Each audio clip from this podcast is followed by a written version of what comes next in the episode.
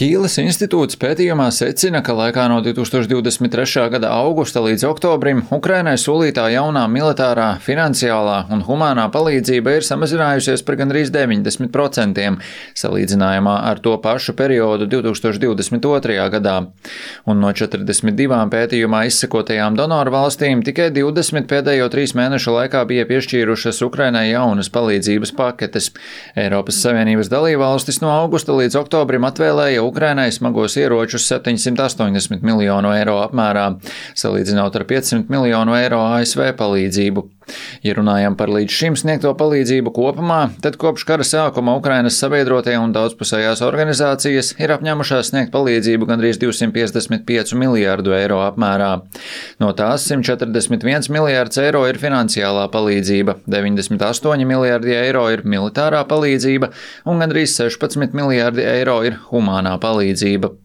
Tikmēr ASV turpinās sarunas par palīdzību Ukrainai, un oficiālā vizītē Vašingtonā ieradies Lielbritānijas ārlietu ministrs Deivids Kemerons, kurš arī mudinājis ASV likumdevējus apstiprināt jaunu palīdzību Ukrainai. Kā teica Kemerons, ja netiks nobalsots par šīs naudas piešķiršanu, būs tikai divi cilvēki, kas smaidīs un kuriem tā būs kā Ziemassvētku dāvana, proti Krievijas un Ķīnas līderi.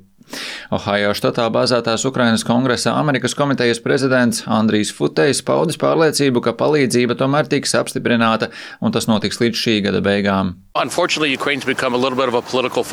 Diemžēl Ukraina šajā visā ir kļuvusi mazliet par politisko futbolu, un Ukraina vairs nav lielāko plašsaziņas līdzekļu pirmajās lapusēs. Tāpēc sabiedrība uzskata, ka Ukrainā viss varbūt ir kārtībā. Tāpēc mums ir jādara viss, lai Ukraina joprojām būtu pirmajās lapās. Tā ir mūsu atbildība par darbu mūsu kopienās. Tas patiesībā nav balsojums par Ukrainu vai pret Ukrainu. Tā ir procedūra, politisks balsojums, un es ceru, ka šī pilnā pakete atgriezīsies līdz gada beigām, kā ir norādījis gan pārstāvju palātas spīkers Džonsons, gan senāta līderis Šumers. Tāpēc mēs ceram, ka starp abām lielākajām politiskajām partijām būs kāds kompromiss. Esam arī dzirdējuši no atsevišķiem politiķiem viedokli, ka naudai, ar kuru varētu palīdzēt Ukrainai, būtu jāpaliek pie amerikāņiem, un tā jātērē amerikāņu amerikāņu vajadzībām. Un te jāpiemina interesants izdevuma The Washington Post viedokļa raksts par šo tēmu. Proti žurnālists Marks Tīsens rakstā norāda, ka ir viens būtisks pēdiņās noslēpums saistībā ar ASV militāro palīdzību Ukrainai, kuru acīm redzot daudzi nezina vai negrib zināt. Proti lielākā daļa ASV atvēlētās naudas Ukrainai tiek tērēta turpat Savienotajās valstīs. Līdzekļi tiek izmantoti 31 štatā un 71 pilsētā, lai ražotu jaunus ieročus vai aizstātu tos ieročus, kas uz Kīvu nosūtīti no ASV krājumiem. No 68 miljardiem ASV dolāru militārās un ar to saistītās palīdzības, ko kongress ir apstiprinājis kopš Krievijas iebrukuma Ukrainā, gandrīz 90% tiek piešķirti pašiem amerikāņiem, liecina žurnālista veiktā analīze.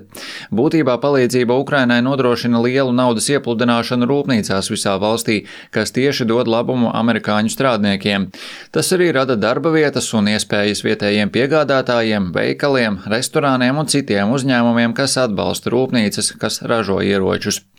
Marks Tīsens raksta, ka 31 senators un pārstāvju palātas loceklis, kuru štati vai apgabali gūst labumu no finansējuma Ukrainai, ir nobalsojuši par pretošanos palīdzībai vai vismaz par tās ierobežošanu. Rihards Plūme, Latvijas radio.